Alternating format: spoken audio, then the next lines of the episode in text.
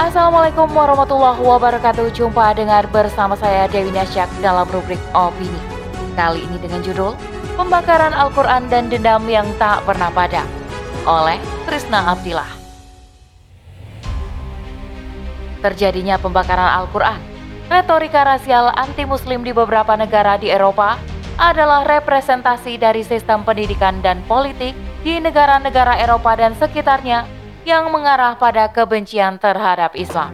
Selengkapnya, tetapi podcast Narasi Pos Media, Narasi Pos, cerdas dalam literasi media, bijak menangkap peristiwa kunci.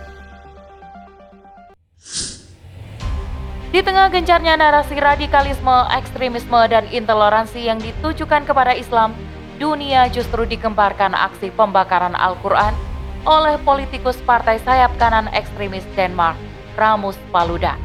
Atas nama kebebasan berekspresi, Swedia memberikan izin kepada politikus rasis ini untuk membakar salinan kitab suci Al-Quran di depan gedung kedutaan Turki di Stockholm pada Sabtu 21 Januari. Sontak, insiden tersebut menuai kecaman keras dunia, terlebih negara-negara Islam. Pasalnya, Selain sebagai tindakan penistaan terhadap agama Islam, aksi ini juga dinilai telah menodai toleransi antar umat beragama di seluruh dunia. Dilansir dari republika.com pada 25 Januari 2023, tindakan berbau Islamofobia telah berulang terjadi di Eropa. Pada tahun 2003 dan 2005, terjadi pembakaran terhadap Masjid Malmo yang juga menghanguskan Islamic Center di dekatnya. Sepanjang akhir 2014, terjadi penyerangan pembakaran beberapa masjid di Swedia. Kemudian, pada tahun 2022, Paludan merencanakan tur pembakaran Al-Quran pada bulan April dan Agustus yang memicu kerusuhan hebat di Swedia. Pada November 2022, pemerintah Swedia melakukan penutupan terhadap sekolah-sekolah swasta yang didirikan oleh komunitas muslim di negara itu. Berlanjut pada Desember 2022, Masjid Jami Stockholm melaporkan terjadinya pelecehan Al-Quran. Seorang yang tak dikenal merusak Al-Quran dan merantainya di gerbang masjid. Yang terbaru, pembakaran Al-Quran di depan kedutaan Turki di Stockholm pada Sabtu lalu 21 Januari 2023. Cendekiawan Swedia, Masoud Kamali mengatakan, mengizinkan pembakaran kitab suci umat Islam di depan kedutaan Turki dan menghina Presiden Recep Tayyip Erdogan berkaitan dengan anti-muslimisme yang lazim di Swedia dan seluruh Eropa sejak Perang Salib, di mana anti-muslim selalu menjadi bagian dari kebijakan negara-negara termasuk Swedia. Dalam buku Kamali yang berjudul Racial Discrimination, Institutional Patterns and Politics, Kamali membeberkan bagaimana umat Islam digambarkan secara negatif dalam buku sekolah di Swedia, Inggris, Jerman, Prancis, Polandia, Austria, dan pemerintahan Siprus Yunani. Di samping itu, menurutnya, partai-partai rasialis Eropa pada intinya memiliki satu kesamaan, yaitu Islamofobia atau yang disebut anti-muslimisme. Mengutip dari kitab Ad-Daulah al-Islamiyah, karya Syekh Taqiyuddin An-Nabani, bahwa permusuhan salib terpendam dalam jiwa barat terlebih Eropa. Permusuhan yang mengakar dan dendam yang begitu hina membuat mereka melakukan strategi jahanam untuk melenyapkan Islam dan kaum muslimin. Permusuhan itu pula yang menyebabkan kehinaan menimpa kita di negeri kita sendiri. Dengan adanya fakta ini, tidak heran jika terjadinya pembakaran Al-Quran, retorika rasial anti-muslim di beberapa negara di Eropa adalah representasi dari sistem pendidikan dan politik di negara-negara Eropa dan sekitarnya yang mengarah pada kebencian terhadap Islam pun dengan sistem kufur seperti demokrasi sekularisme yang ditanamkan Barat pada negeri-negeri Muslim tidak lain adalah sebagai alat untuk menjauhkan Islam dari benak kaum muslimin. Di mana Islam adalah sebuah sistem kehidupan yang harus diterapkan secara menyeluruh, karena dengannya umat Islam akan bangkit dan kembali menjadi mercusuar peradaban dunia. Bukan kaum yang membebek pada Barat, seperti halnya saat ini. Tindakan Islamofobia yang semakin marak dan provokatif tidak hanya melukai miliaran muslim di seluruh dunia, lebih jauh juga menunjukkan bahwa pertarungan orang-orang kafir terhadap Islam itu adalah nyata. Mereka dengan dalih kebebasan berekspresi terus berusaha menghina, merendahkan, dan menyerang Islam. Namun, pada saat Muslim membela haknya, mempertahankan kehormatan, dan memegang teguh ajaran agamanya, justru dicap sebagai radikal intoleran.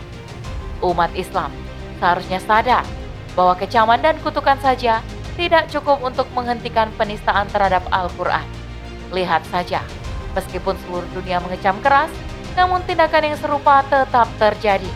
Tak hanya dibakar, Al-Quran juga dirobek dalam insiden di Belanda, yang konon aksi ini juga atas izin dari otoritas kota Den Haag. Jika ditelisik lebih dalam, semua berakar dari pemahaman sekuler yang diusung oleh Barat. Ketika Barat berlindung dengan tameng ide pemisahan agama dari kehidupan, maka pada saat yang sama, Barat telah memberikan otoritas penuh untuk membuat undang-undang yang berasaskan kebebasan.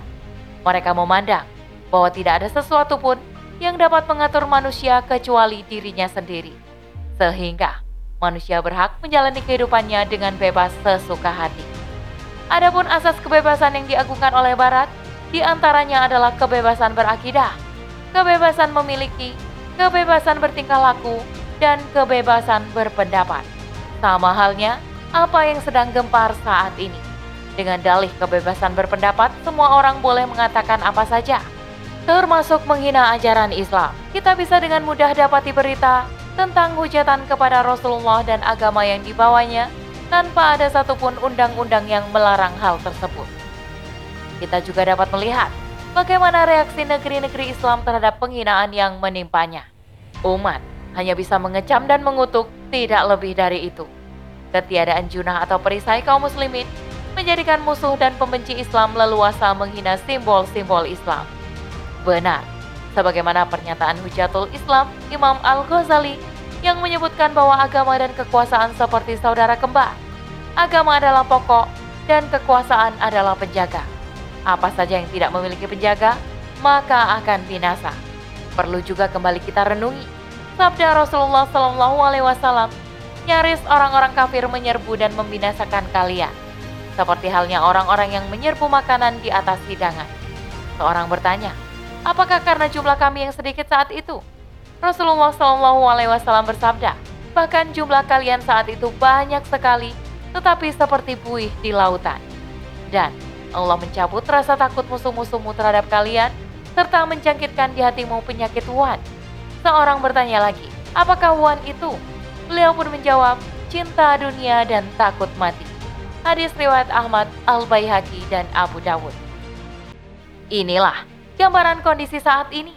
Jumlah umat Islam sangat banyak, namun tidak memiliki kemuliaan yang dipandang hormat oleh umat lain. Pun, dengan pemimpin negeri-negeri muslim mereka lebih peduli dengan kekuasaan dibanding harus membela dan melawan musuh-musuh Islam. Lebih parahnya lagi, mereka tega mengkhianati umat Islam dan bergandeng tangan dengan pihak yang menghendaki keburukan terhadap Islam. Terbukti dengan berbagai program yang diterapkan di negeri muslim seperti program moderasi agama yang justru semakin membuat umat jauh dari pemahaman Islam yang benar. Padahal, sepanjang sejarah kekhilafahan Islam, seorang pemimpin akan selalu menjaga dengan baik kemuliaan Islam dan umatnya. Tidak ada satupun musuh yang berani melecehkan, melainkan pemimpin Islam akan mengangkat senjata untuk memerangi. Lantas, tidakkah kita yang disebutkan sebagai khairu ummah menginginkan kembalinya kewibawaan Islam dan kaum muslimin? Wallahu a'lam bishawab. Demikian rubrik opini kali ini. Sampai bertemu di rubrik opini selanjutnya. Saya Dewi Nasya kundur diri. Afu. Wassalamualaikum warahmatullahi wabarakatuh.